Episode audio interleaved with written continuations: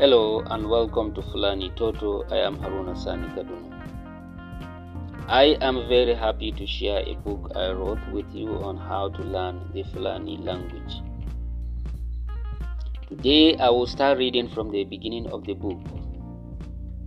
If you are willing to learn the language from zero, you can get a copy of the book online and then follow this series to understand the book. Now let me start. Chapter 1 I use these indicative pronouns in this chapter for effective understanding. Now let me read from the book. I have these uh, I have these indicative pronouns in this chapter with their meaning into English language. The first one is um means this. Duma means that. O means ye. Hato means there. I repeat again. Listen very attentive and repeat after me. Dum. Duma. Do. Hato. I repeat again. Um, uma, do, hato. Um, this is one of the indicative pronoun, pronouns in the Fulfulde language, indicating an object very close to, to both person speaking and the person spoken to. for example ɗum mbaalu ɗum mboju i repeat again. Ɗum mbaalu ɗum mboju then the second one is ɗuma. Ɗuma this is the opposite of ɗum. It talks about an object that is a bit far from the person speaking. For example, Dumabalu. Dumaboju. I repeat again. Dumabalu. Dumaboju. Wait steady. These are words you need to know. Balu is a sheep. Bala is a female. The female sheep is called Bala. The male, that is Ram, is called Jaudiri.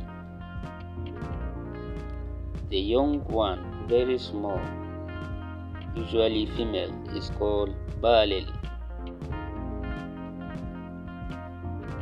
The young one, especially male, the male one, especially young one, is called Jaugil.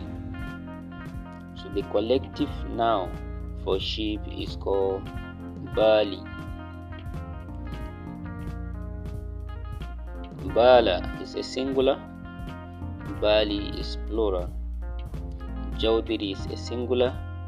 Jawdi is plural. Then Boju. You need to know Boju. Boju is hair. Some people call it rabbit. So Mboja. Mboja. So usually elderly. Elder. So the elderly one is called Mboja. sometimes very big sometimes big one or large we call it boja. Sometimes ugly something ugly now use uh, let's say that hair is ugly then you say boja. Then uh, boju is a singular boji is a plural bojel is a smaller or child, sometimes beautiful. Then the next one is up here. Here is do. Do is another indicative pronoun. In fulful, they use to describe a place very close to a person speaking or spoken to. for example ɗo nder suudu ma ɗo dow leeso ɗo bacci janginte ɗo mawɓe jooɗi hanki.